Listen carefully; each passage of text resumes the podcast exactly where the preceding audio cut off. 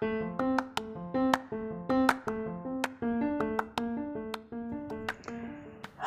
halo, assalamualaikum. Hai, hai, hai.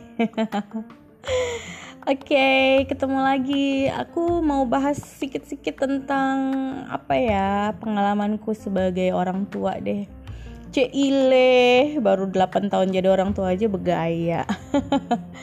jadi tadi pagi tuh aku sempat nulis tentang kenapa ya uh, anak gue nggak drama tentang Kinder Joy, iya tahu kan Kinder Joy. Eh, gue nggak di endorse nih, gue nggak di endorse, tapi uh, kayaknya sese sesemainan tersebut, mainan apa makanan sih? Pokoknya itu sering bikin momok orang tua ya.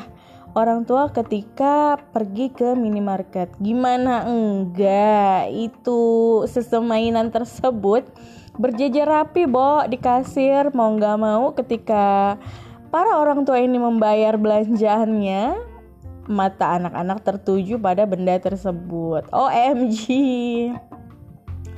Oke, okay, uh, eh, aku mau cerita ya, aku mau cerita. Jadi masalah si Kinder Joy ini, jujur anak-anak gue tuh penasaran iya, kenal iya, dan aku pun mengenalkan. Tapi nah ada tapinya.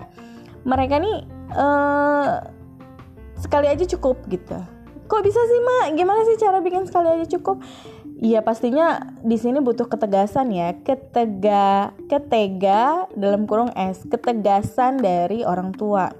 Nah posisinya di sini aku dibanding aku dan aku dan suamiku di, uh, itu jauh lebih tegas aku. Biasa deh bapak-bapak tuh suka suka banyak excuse-nya gitu. Jadi pernah gitu ya satu ketika dulu waktu anak saya yang pertama si abang itu usia tiga tahun uh, dia beli si Kinder Joy itu. Uh, ya udah aku kasih tahu bahwa gini doang gini doang dalam artian ya mainannya juga kecil coklatnya juga biasa aja. Kalau model telur-telur juga di rumah juga ada telur maksudnya telur beneran. Jadi udah kan? Uh, iya udah udah tahu. Oke. Okay. gimana dengan adiknya? Adiknya ini baru tiga tahun. Nah saya perlakukannya sama. Aku tuh perlakuin dia tuh sama. Beli dikasih tahu ya udah nggak akan beli lagi. Jadi kalau mau ke minimarket pilihannya tidak itu lagi gitu. Kok bisa mak? Bisa. Jadi aku pribadi ya orangnya tuh konsisten. Kalau memang dari awal enggak mau seheboh apa pun anak merengek nangis uh, aku tuh kekeh. Kekeh cuek aja. Kalau memang nggak bisa dikendalikan ya aku tinggal.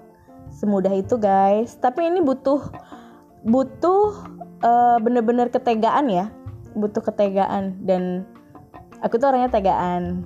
Dan ini pernah dicoba ketika uh, si abang itu kami baru punya anak satu kita lagi pergi ke mall dia merengek minta mainan. Padahal ada perjanjian bahwa pergi ini tidak beli mainan apa pun. Siapa yang goyah? Tentu saja ayahnya. Ayahnya goyah dong. Eh malulah dilihat orang. Eh kenapa rupanya? Kan orang uh, ini anak kita. Orang terus mau apa? Mau menganggap kita jahat? Ya biarin aja nggak kenal ini. Aku tuh selalu bilang gitu sama suamiku.